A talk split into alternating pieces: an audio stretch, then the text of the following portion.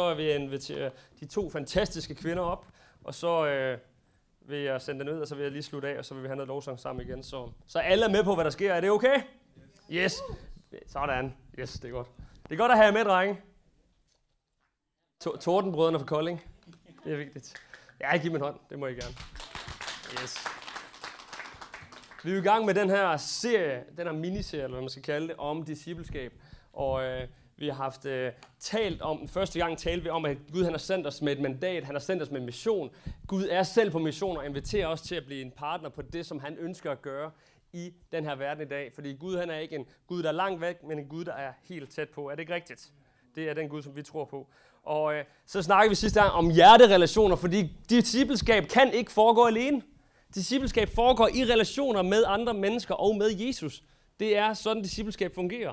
Og han kalder os til at være i fællesskab med andre mennesker. Han kalder os til at være en del af en kirke, men også at i den kirke, lad nogen komme tættere på end andre. Lad nogen komme helt tæt på og vandre igennem livet sammen med os. For det er ikke meningen, at vi skal gå igennem livet alene. Det er ikke meningen. Og hvis du er der i dag, så vil jeg bare opfordre dig til at finde nogen, invitere nogen tæt på. Er det okay? Yes. Og her.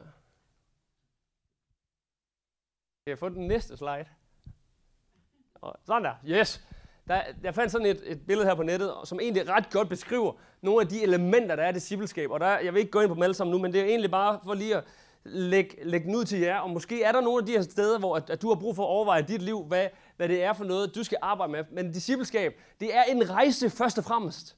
Det er en rejse. En rejse uden ende. Det er en livslang læring. Disciple betyder at være elev. Og det er en elev af livet, en elev af Jesus, som vi er livet igennem så står der relationer. Vi har brug for relationer. Vi har brug for at gøre det sammen med andre mennesker. Og vi kan heller ikke gøre discipleskab uden den tredje ting, som der står der, det er Jesus. Vi kan ikke gøre det uden Jesus. Vi kan ikke være rigtige disciple uden Jesus. Og så står der, at vi skal være intentionelle. Det betyder, at vi ikke bare lader tingene være op til tilfældigheder, som vi rigtig tit gør i livet. Hvor vi tænker, ej, hvad har vi lige lyst til i dag? Hvad, hvad mærkes lige rigtigt i det her øjeblik? Men discipleskab, det er egentlig hele tiden at vide præcis, hvor det er, vi er på vej hen. Fordi mange ved, at hvis vi ikke styrer vores liv, så bliver vores liv bare styret af tilfældigheder. Er det ikke rigtigt? Så sidder vi derhjemme, ved ikke, hvad vi skal lave en aften, og så vælger vi os tilfældigvis at se det, som vi lige har set en reklame for et eller andet sted. Der var et stort et eller andet ude på vejen, hvor der stod, se den her nye serie. Nå, det, det, så gør vi det. Hvis du ikke vælger, så vælger livet for dig. Og Bibelen, vi kan ikke have et discipleskab uden Bibelen. Rigtig mange kristne i dag, de tænker, at det er nok at høre på, hvad vi øh, står heroppe og siger på scenen. Det er også fint, det vi siger som regel, tror jeg. Men det er ikke nok. Det er ikke nok. Det kan ikke erstatte den anden del. Vi har brug for begge dele. Vi har brug for den her forståelse af Guds ord. Vi har brug for den. Og vi har brug for Guds ånd, fordi Guds ånd lever i dag i os.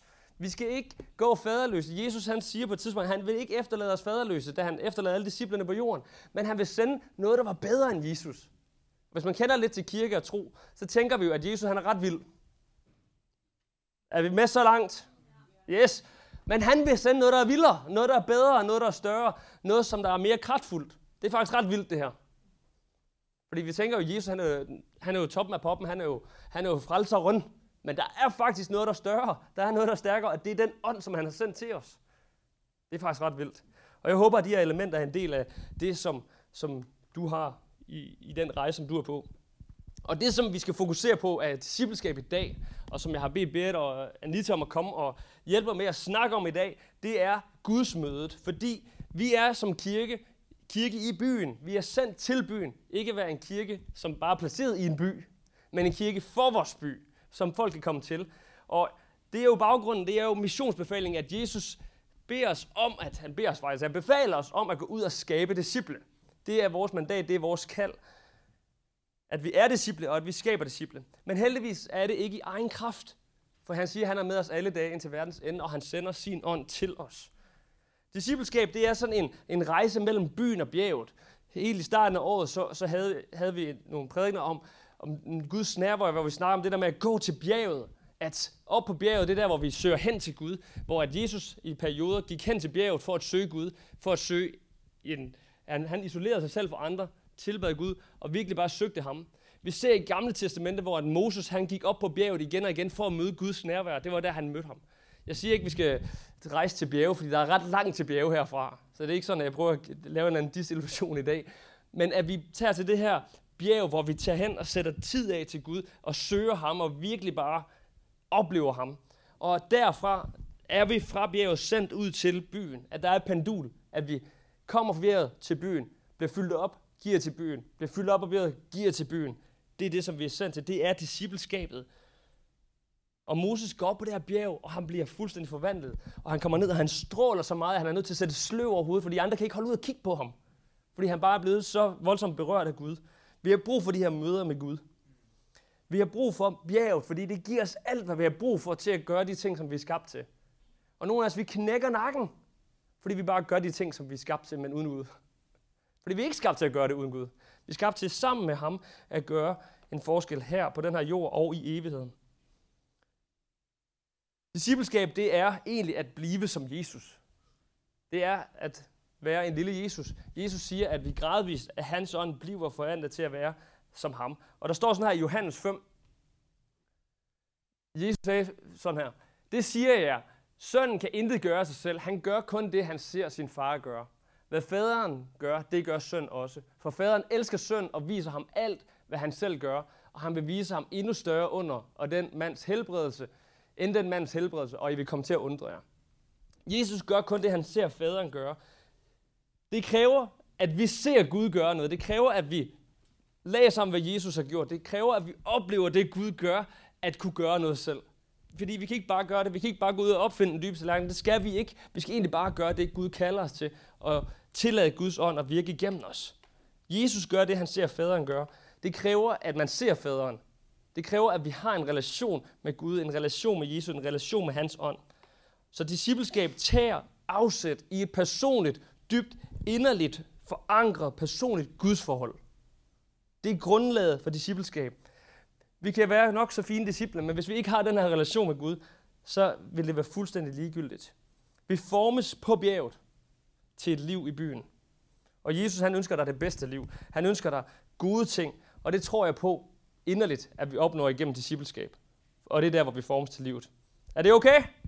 Yes! Så vil jeg gerne bede to fantastiske mennesker komme op. Kan I ikke, give dem en hånd?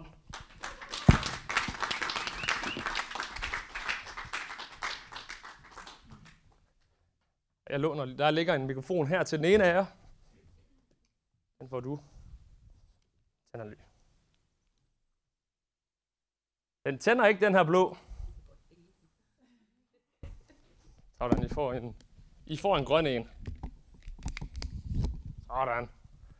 Værsgo, så kan I dele der. Kan I ikke lige give mig en hånd med, mens jeg lige sætter mig? Sådan. Det er godt at have jer med. Sådan. Fedt, det kører det her. Vi er snart klar. Vi skal have sådan en teknikskærm, hvor at... Øh, nej. Fejl. Nej. Sådan. Det er lidt talkshow-agtigt. Bare roligt, der er ikke en masse platte jokes forberedt. yes. Kommer bare uforberedt, eller hvad? De platte jokes. Ja, for jeg er fuldstændig. Det, jeg behøver ikke at forberede mig på dem. De kommer bare. Det er simpelthen forfærdeligt. Det er noget, der sker, når man bliver far, har jeg hørt. Jeg har... ja. Det er også sådan, hun griner med jokes derhjemme. Det er bare... Hun kan ikke engang skjule, at de er dårlige. Tak for det. Du skal lyve bedre. Jesus han taler om, at vi ikke bare skal leve af mad, men at hvert ord, som Gud taler. Det siger Jesus i Matthæus 4:4. Anita, hvordan... Øh, det er, det er quiz show, det her. Hvem er millionær? Nej. hey.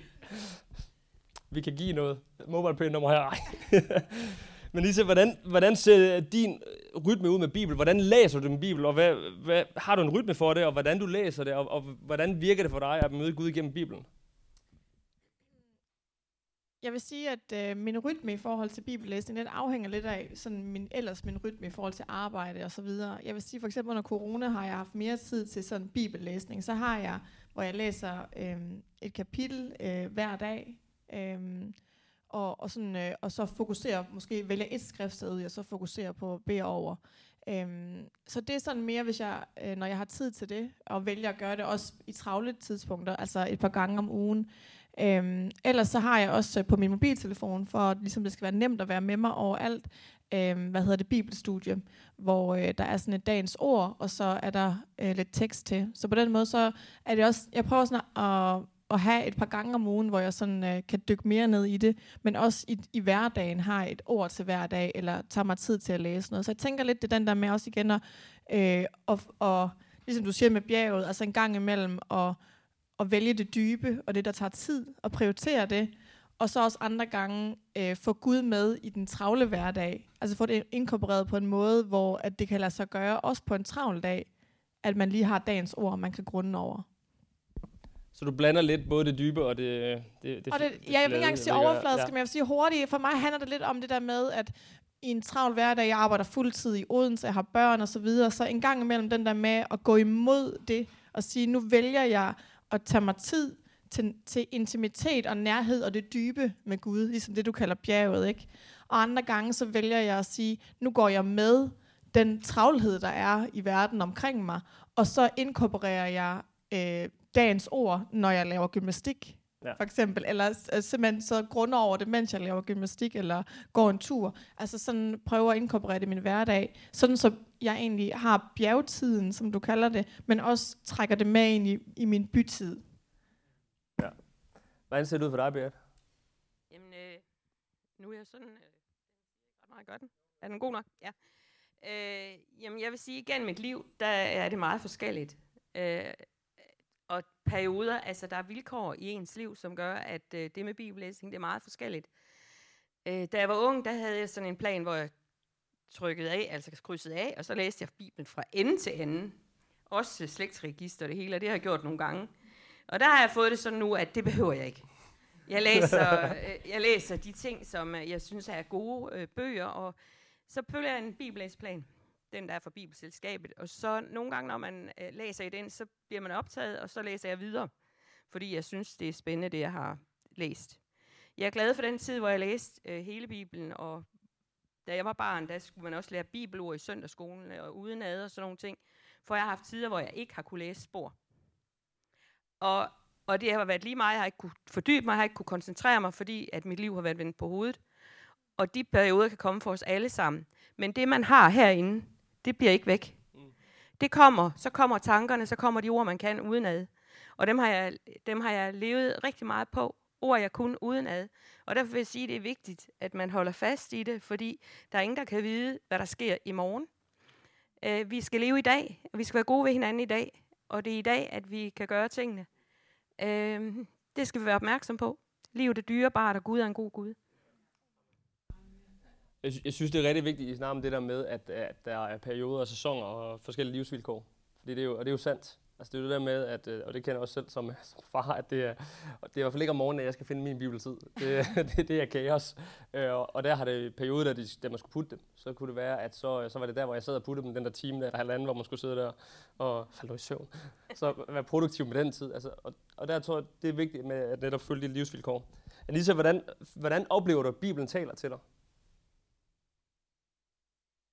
Jamen, jamen, jeg tænker, det er meget i forhold til det der med at lære Gud at kende, øhm, og opdage nye sider af ham, men også lære mig selv at kende, og de tanker, han har for mig, og de ønsker, han har for mig og for alle andre.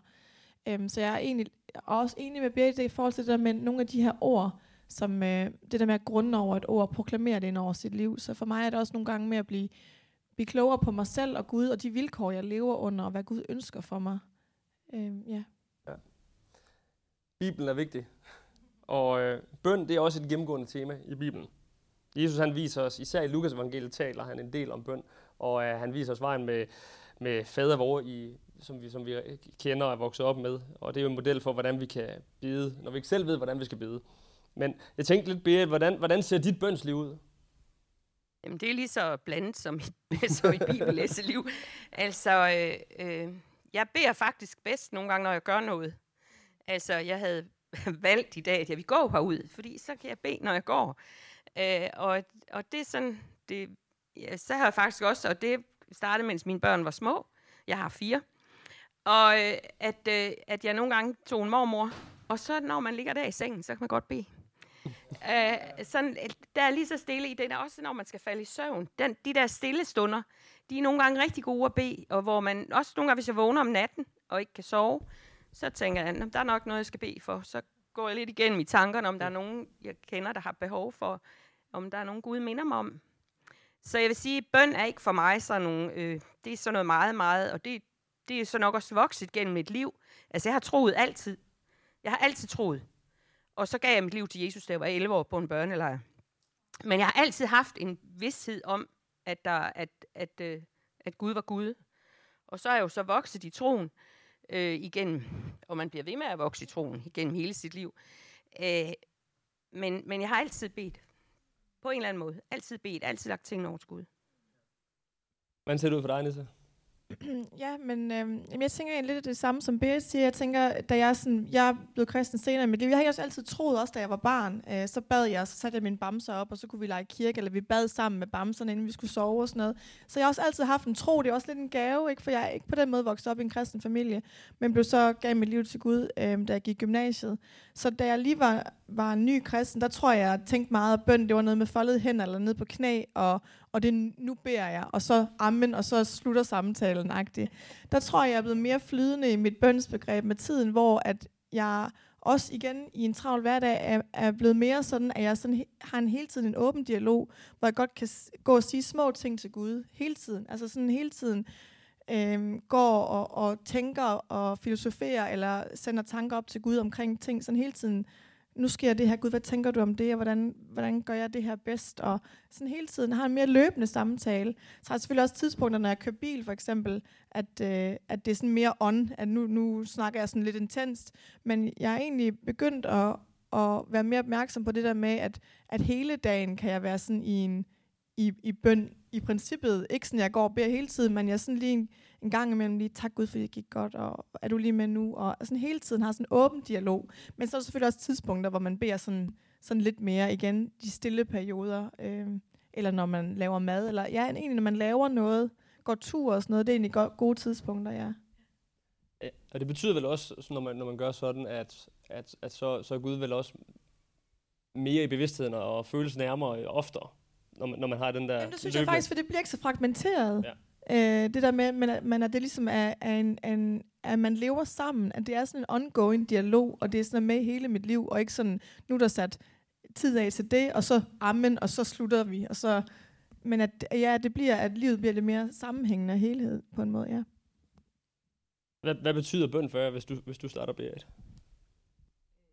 Jamen, bøn, det er jo en dialog, øh, hvor at, at jeg kan udøse mit hjerte øh, for alt muligt, men også hvor Gud kan komme til at tale til mig, fordi man er i, i den, og jeg giver ret i, at det er, at det er sådan noget, øh, det er sådan noget vedvarende på en eller anden måde. Det er noget, der altid er i en, på en eller anden måde, at man beder, øh, eller snakker med Gud, letter sit hjerte, øh, får nogle, nogle, får fred ind i nogle ting, som man måske synes er svært, altså øh, for, man er ikke alene, man går ikke alene. Øh, det har betydet meget for mig i nogle, i nogle situationer, hvor, hvor, hvor man helt klart, klart kan sige, der har man fået bøndesvar, og det var helt klart Gud. Og andre gange, så står man jo frustreret og tænker, hvorfor griber du ikke ind? De der mennesker er virkelig syge, og de har virkelig brug for din kraft, og jeg tror på det. Jeg tror på, at Gud kan. Jeg tror på, at du kan. Jeg tror på Jesu blod. Jeg tror på alle de der proklamationer. Øh, så har jeg faktisk også brugt, og det vil jeg gerne sige, at bede ud fra Bibelen. Altså Paulus har nogle bønder, og så bede de bønder, hvor jeg sætter mit eget navn eller andres navn ind. Der findes en fantastisk en i Efeserbrevet, øh, hvor man, så man også kan bede for sin familie. Det er, det er, ja, jeg tror sådan det. Hvad har bønder betydning for dig? Jamen, jeg, jeg er også enig med Berit i det her med, at, øh, at når man lægger dagen over til Gud, så giver det noget ro på en måde. Øh, og nogle gange, især hvis jeg kører min bil, når jeg skal på arbejde, så beder jeg også højt for mig selv i bilen. Øh, det kan være, det ser lidt sjovt hvis man kører ved siden af mig, men øh, det kan være, de tror, jeg synger, eller jeg ved ikke. Men det giver på en måde, ikke fordi jeg sådan har så vilde hverdage, jeg har virkelig øh, sådan, øh, har noget at være bange for, det har jeg ikke, men, men det giver noget ro, og jeg synes også det der med nogle gange at sige det højt, øh, sådan at få det ud af systemet, bare få snakket med Gud om, både hvad der går godt og hvad der ikke går så godt. Øhm, ja, det giver mig noget ro og noget, selvom jeg så måske en gang imellem stadigvæk bekymrer mig, så føler jeg alligevel, at der er sådan et anker af, af, sådan af ro og håb ind i, ind i tingene. Ja. Berit, hvilken rolle for dig spiller tungetal? Det er ikke noget, vi taler meget om, men hvilken rolle spiller det? er jo sjovt, fordi at jeg sad lige og tænkte på det, fordi jeg gik på seminariet i Esbjerg det første år. Og øh, der kørte jeg jo også over. Og det var før der var motorvej. Det var virkelig en køretur. og der talte jeg faktisk meget tunger, og jeg brugte meget at bede i bilen. Jeg tror næsten, at det har været den mest intensive øh, bedetid, jeg har haft. Mine børn var små, så den der time frem og tilbage, der blev brugt i bøn der. Og, øh, og jeg fik jo også en vældig øh, slagkraft, fordi at på seminariet, det, altså, da jeg var ung, der var det jo ikke sådan særlig smart at være kristen, vel? Altså, der skulle man helst noget andet. Det var fri abort, det var alt muligt. Men jeg fik simpelthen øh, noget til der på klassen, hele klassen lyttede. Og så kunne jeg sige de ting, som Gud gav mig. For eksempel om abort og Guds syn på livet og sådan nogle ting. Og der var bare helt stille. Og læreren, som ellers virkede som sådan en lidt... Hun, hun var helt bagefter, altså lige før jeg fik en klapsalve. Altså, og det var jo ikke mig. Jeg vidste bare, at det var ikke mig. Det var Gud, der lagde ordene i mig øh, og, og brugte mig. Så øh, ja, jeg bruger tungetale meget. Altså når man ikke, der står i Bibelen, at når ikke du har ord, når du er i en situation, hvor du ikke har ord, så brug tungerne, fordi så beder du hemmeligheder med Gud.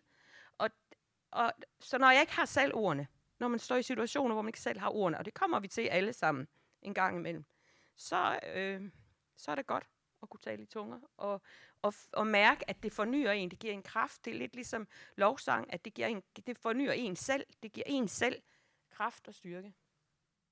Og det, det stemmer også meget godt overens med, at Bibelen taler om, at tungetalen er jo netop det der med indre opbygning. Og det er jo, ja. og det er jo, og det er jo virkelig det, det kan. Præcis. Vores øh, vision her i kirken er at skabe værdi for alle mennesker og rum for livsforvandlende møde med Jesus og andre mennesker. Og i forhold til det her livsforvandlende møde med Jesus, hvordan og hvornår har I oplevet et, et møde med Gud med hans ånd? Og hvordan, hvordan har det set ud, hvis der kan komme nogle ord på det? Jeg, jeg kan jo sige, at jeg gav mit liv til Jesus, da jeg var 11 år. Min bror var så sød, han kom fra sommerlejr. Og jeg boede, vi var hos mine bedsteforældre. Et herligt ægtepar, der boede op i Nordjylland. De var nummer 1 og 2 medlem i Dronninglund Menighed i Apostolsk Kirke. Og, og, øh, og de, de var bare glade kristne. Og der var aldrig sure miner, der var aldrig det der øh, tunge sind, øh, som man nogle gange kunne opleve ved andre damer, der målte en skørt, om de var lange nok, eller havde knold i nakken og tørklæder på. Og, øh, fordi det, sådan, sådan var det dengang med nogle af de der... Men sådan var mine bedsteforældre ikke. Der var altid liv og glæde dage. Men han fortalte mig om de sidste tider, og at det var så sandelig ringen til, hvis ikke man havde givet sit liv til Gud. og jeg var skræmt for, fra videre sans. Så gik jeg ind til min bedstefar og sagde, ved du hvad, Rolf har fortalt mig det og det. Så sagde han, er det sandt? Ja, sagde han. Jamen, hvornår skal man så give sit liv til, til Jesus? Hvornår skal man så gøre det? Ja, når man nåede skælds over alder. Skælds over alder, hvad er det? Ja, det er, når man forstår det. Fordi ellers hører man Jesus til. Og så tænkte jeg, det her, det forstår jeg godt. og så kom jeg på lejr. Og jeg ved ikke, der skete et eller andet på den lejr. Vi var, vi var på, på lejr oppe i, i Storskoven, hvor der var lejr dengang. Og der kom simpelthen en søndenød ind over alle os børn. Så jeg tror, ud af den børnelejr, der var der tre, der ikke blev frelst. Resten gav deres liv til Jesus. Vi, det, det, det kom simpelthen, og så jeg gav mit liv til Jesus der, og har været helt bekendende kristen siden. Og jeg har, jeg har altid været en bekendende kristen. Altså i de sammenhænge, hvor jeg har været, der ved folk, hvem jeg er og hvad jeg tror på. Anissa, er der, er der nogle situationer, hvor du oplever at få stærkere gudsmøder end andre? Er det et sted, du er, noget du gør, eller at du laver trakten, eller, ej, eller, eller hvad, hvad, hvad det nu gør?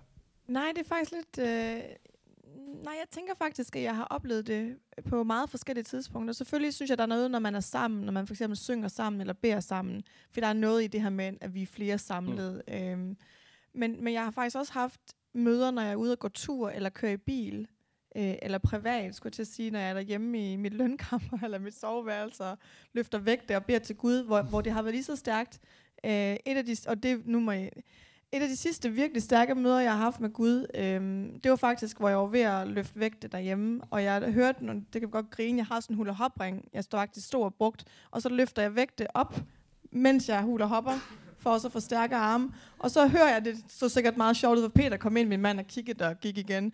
Øh, men, øh, men og så hørte jeg sådan nogle proklamationer øh, fra skriftstedet, der blev proklameret. Øh, jeg hørte på min telefon, og så, og så blev jeg virkelig sådan bare ramt af sådan en, en, en lyst til at bede på en sådan særlig måde, sådan så jeg bad højt og bad i tunger. Det gør jeg ikke vildt tit, heller ikke højt. Så det har helt sikkert set sjovt ud. Jeg stod der med hænderne løftet med vægte og hula hoppede, og så bad, bad sådan højt, mens jeg hørte de her proklamationer. Men der blev jeg bare sådan ramt af, en, af sådan en rislende følelse indeni af varme, og sådan lidt en særlig Guds nærvær øh, i sådan et lidt et sjovt øjeblik, hvor jeg bare kunne mærke, at Guds ånd brændte på en særlig måde. Og jeg synes nogle gange, det sker på de på sådan nogle uventede tidspunkter. Øh, så, så jeg synes egentlig ikke, at jeg kan sige, at der er sådan en... Men selvfølgelig, når man er flere samlet, men jeg har også oplevet det, når jeg lavede hula hopring derhjemme, øh, i princippet, ja. Er der noget, som, som for hver af jer virker stærkere i forhold til det her gudsmøde? Er det, når I, er det især, når I læser Bibel? Er det især, når I læser lovsang? Eller, eller er der et eller andet, hvor at, at hvis I virkelig oplever at have brug for det her gudsmøde, som altså, måske gået igennem en tørketid eller et eller andet, er der så et eller andet sted, hvor I, i, I ved, I kan gå hen, og så er det en sikker home run? Mm. Altså jeg vil sige for mig, øh, der, jeg synes lovsang generelt, hvis man, øh, men det er mere, hvis man for eksempel, hvis man er i dårlig humør, også uden at man kan sætte ord på, hvad der er, der er galt. Så synes jeg nogle gange, det der med at bare sætte lovsang på, eller gå en tur og høre lovsang, så bliver man ligesom opløftet i sin ånd, og sådan kan komme lidt ud af den der dårlige rille. Men ellers så vil jeg sige for mig, der vil jeg sige sådan proklamationer, lidt igen, når du siger med at kende et skriftsted, altså det der med at sige skriftsteder højt for sig selv, eller høre skriftsteder på min telefon, hvor der kommer proklamationer omkring øh, mit liv, og hvem jeg er, og hvad Gud ønsker for mig og for verden. Det, det er sådan for mig, øh, altså det der, så det er jo også en slags bøn, der hænger fast i ordet, eller hvad skal man sige. For mig der er det sådan det, der, der, det der, sådan, der får mig mest, øh, hvor jeg sådan føler mig tættere på Gud, ja, eller hvor jeg sådan bliver opildnet på en måde. Jamen, jeg tror også, jeg må sige lovsang. Øh, et eller andet sted, altså, nu har jeg jo brugt meget af mit liv på lovsang, så, øh, men, men øh, både når det er svært, og når det er godt, altså, så gør, kan lovsang gøre noget. Og der er jo også rigtig meget proklamation i lovsang. Øh, og i det, man går ind i det, altså, når man, når man selv står som lovsangsleder, så er man nødt til at lægge det udenfor, om man gider eller ikke gider, og sådan noget, så gå ind og så være i det. Øh, og, og, og den der, at jeg lægger, mig, jeg lægger mig selv, og så giver jeg mig hen. Jeg tror nogle gange, det er den, min, man lægger sine egne følelser, sine egne, øh, altså, hvis Paul og jeg havde haft et eller andet, inden vi tog hjemmefra, og ungerne ikke lige og ud af døren, og så, så stod vi her, og, og så måtte vi lægge alt det ned og sige, det er fuldstændig ligegyldigt nu. For nu, nu går vi ind for Gud og ind for Guds trone. Og, øh, og jeg tror i det hele taget, det er sådan nok meget mit, min livsstil, at ens indstilling gør en forskel. Altså jeg har altid ønsket at være perlefisker. Og, og så øh, har jeg jo senere, de senere år øh, fået den anden overskrift, at øh, der hedder taknemmelighed. Ikke være, være taknemmelig for det, man fik, i stedet for at tænke på det, man ikke fik. Altså ikke fokusere på, jamen det fik jeg jo ikke, og det fik den, eller et eller andet halløj. Det er ligegyldigt. Men vær perlefisker i alle menneskers liv. Dem, du møder på din vej, der hvor du er. På arbejde, børn, dem du møder. Og den anden ting, vær taknemmelig, vær taknemmelig, vær taknemmelig. Hvis jeg lige, det er jeg bare rigtig, rigtig enig i. Altså, der står også i Bibelen, søger du skal finde, hvad er det, vi leder efter, hvad er det, vi ser efter. Det, vores indstilling betyder altså rigtig meget for, hvad, hvad vi finder. Øh, så det, det synes jeg bare er rigtig vigtigt, Bert. Ja, super. Det er, helt, det er helt rigtigt, det er det. Du nævnte lige til det der før med, at, øh, at det der med at, at øh, bede sammen også gør noget. Hvordan, hvordan øh, har din oplevelse af været af Berit i forhold til at, at bede sammen eller alene? Hvad, hvad gør de to? Jeg vil også sige, at der har været sæsoner i mit liv. Altså, jeg har haft en lang sæson, hvor jeg var virkelig bedemøde hver uge i kirken her og sådan noget. Og lige nu er jeg i en sæson, hvor det er mere stille, og hvor det er mere øh, øh, privat. Og ikke fordi jeg kan godt bede sammen med andre, det gør jeg også. Altså, jeg har jo mit, mit, nogle, nogle bønne, nogle bønnekæmper, som, som jeg... Men det, det er få, og det er på en anden måde. Og be, al, alting har en kvalitet. Det der med mange sammen, og hvor vi går ind, og, og vi er sammen om, at vi har en faste bedeuge, hvor man gør noget, det, det, det virker stærkt. Men det virker også stærkt den, hvor man har et meget fortroligt bønnefællesskab med nogen, som må vide alt. Det kan man ikke have med alle mulige. Det, det er rigtigt. Og det er også der, Jesus havde de tre de, og de 12 disciple, mm. hvor nogen kom tættere på en andre. Og, og det er jo også en god model for, hvordan vi skal, at vi ikke skal smide alle vores sover på Facebook. Øh, eksempelvis, eksempelvis. Jeg peger ikke på nogen. men, men det, jeg hører rigtig meget fra jer begge to, det er, at, at tingene har rigtig meget med sæson at gøre. Og det, og det, der virker i dag, måske ikke det, der virker i morgen, men det der hele tiden med at være på, øh, på en opdagelse.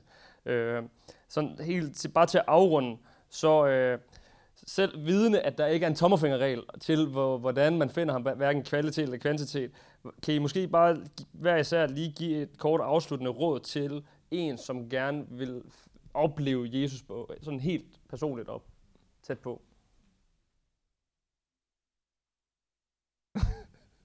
Jamen, jamen, han er jo tæt på. Det er jo os, der går.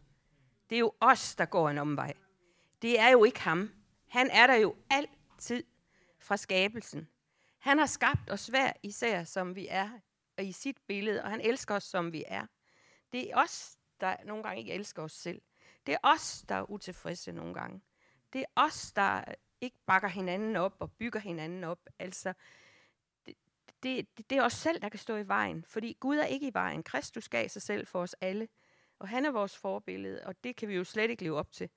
Så han elsker os, som vi er, og det, det skal vi virkelig tage imod. Dag efter dag efter dag. Jeg tror, det er der, den er. Ja. Jeg tænker også det der med at være åben og tage imod. Fordi det er der egentlig lige foran os. Så det, og det, det kan være at have, få en vane med at starte sin dag med at indvide den til Gud og åbne sig for Gud og sige, jeg er her, jeg lytter. Jeg vil gerne have, at du går med mig i dag. Men det kan også være, at, øh, at man skal simpelthen øh, skabe sig rum, øh, om det er øh, at lægge sig ned i sin seng og meditere, og, eller bede be over noget, eller gå en tur, øh, hvis, man har, hvis man har brug, hvis der er for meget, der, der fylder, man har brug for at skabe øh, noget fred omkring ens relation med Gud, så, så at tage sig den tid. Men i virkeligheden synes jeg, at hvis man åbner sig over for Gud og siger, jeg vil gerne have dig med på rejsen, øh, du må, jeg vil gerne have, at du kommer med, så er han der jo. Så det er jo os selv, især hvis det er i hast og børn ud af øh, få børnene ud af døren om morgenen og komme afsted, og at så er det jo os selv, der glemmer at få ham med egentlig, for han er der jo. Så det, det er egentlig bare ret opmærksomheden derhen, og det behøver ikke at være noget, der tager sindssygt meget tid, men at sige, jeg vil gerne have dig med. Så skal vi heller ikke være for hårde dommer ved os selv. Altså, Nej. jeg kan huske, da mine børn var små og sådan noget, så havde jeg også sådan at med at lægge dagen hen til Gud, og så det er inspireret af dig. Og så kom jeg sådan til, at hvis ikke jeg havde gjort det, jamen, så blev det måske en dårlig dag og sådan noget. Men sådan er Gud jo ikke. At fordi man har et eller andet, øh, misset et eller andet eller noget, så er Gud jo, han er jo den, han er jo den samme. Øh, vores liv kan være fortravlet på forskellige vis, men Gud, han er den samme. Og han elsker os mere, end nogen kan elske os. Det, det synes jeg er rigtig vigtigt, at du siger der, for nogle gange så, så kan vi få sådan lidt et legalistisk øh, forhold, at nu har jeg kun fået holdt bibelstudie én gang den her uge, eller jeg har endda en hel uge, hvor jeg ikke har sket noget. Og så man, øhm, og der er sådan en rap-sang, den er, jeg ved ikke, hvor kristen den er, men hvor... hvor kan du rappe den for os? Nej. nej. det er Kanye West, hvor han siger, at jeg er bange for at tale med Gud, for det er så lang tid siden, vi har snakket sidst. Øh, og det synes jeg faktisk er, er, er ret godt reflekteret, den der med, at, at det bliver jo selvforstærkende proces at hvis man fordømmer sig selv, og så er man faktisk en helt flov for at skulle gå frem for Gud igen. Jeg ved godt, at jeg ikke overholdt vores aftaler. Jeg har jo skippet bibelstudie flere gange. Men den der med, at så kommer du længere og længere væk, fordi du egentlig, øh, det bliver sværere og sværere at komme tilbage til den her samtale med Gud, fordi man er bange, for vi har ikke snakket i så lang tid. Men, men det skal vi ikke være, fordi at, øh, at Gud kender jo vores liv, vores omstændigheder, vores hjerte. Øh, og plus, at der er jo altid velkommen tilbage. Ikke? Altså, så jeg tænker også, at det med ikke at være for fordømmende, fordi det faktisk tit kan ødelægge det for os selv, fordi vi faktisk kommer længere væk fra det gode, når vi fordømmer os selv. Øh, ja. Og der er hans nåde faktisk større end vores. ja, Jamen, det er super. Tak for det. Kan vi ikke, øh, kan vi ikke give dem en kæmpe hånd?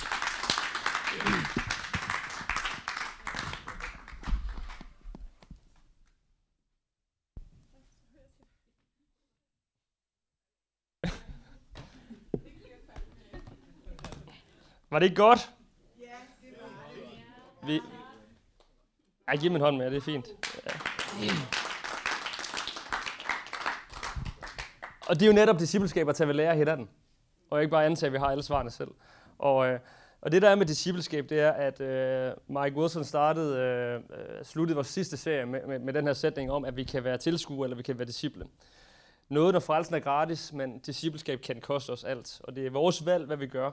Men jeg tror på, at bøn, vores bibellæsning, vores, at komme i kirke, kipgrupper, at øh, være i tjeneste, at, øh, at give og være generøs økonomisk. Det håber jeg er en del af vores liv, for det er en del af det at være disciple og at være på den her rejse. Guds plan for dit liv er større end de planer, som du kunne have for, for dit liv. Og det, at han kalder til discipleskab, det er en del af den rejse. Og øh, der er noget af det, jeg vil lige slutte af med, hvis jeg kan bede Lukas om lige at komme op. Ja. Ikke til at læse, bare roligt. Så er der det juleevangeliet. Har du nogensinde læst juleevangeliet en jul? Har du det? Selvfølgelig har du det. Selvfølgelig har du det. det er vigtigt.